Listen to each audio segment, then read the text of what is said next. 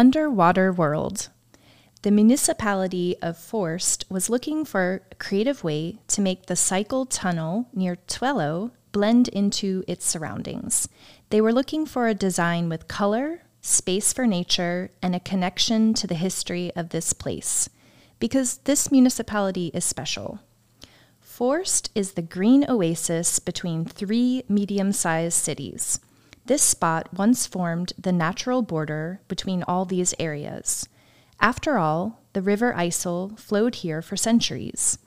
It is now no more than a ditch, but this old IJssel is still the official border between the Gelderland and Over Overijssel provinces, which inspired Deventer artist Margot Olde Lohaus to create the mural Underwater World. With this mural, Margot takes you underwater in the old IJssel River, cycle under the water's surface, see the water lilies, and enjoy this innovative perspective, the alienation and wonder it creates, an ode to the place, the history, and the water that brought so much to this area.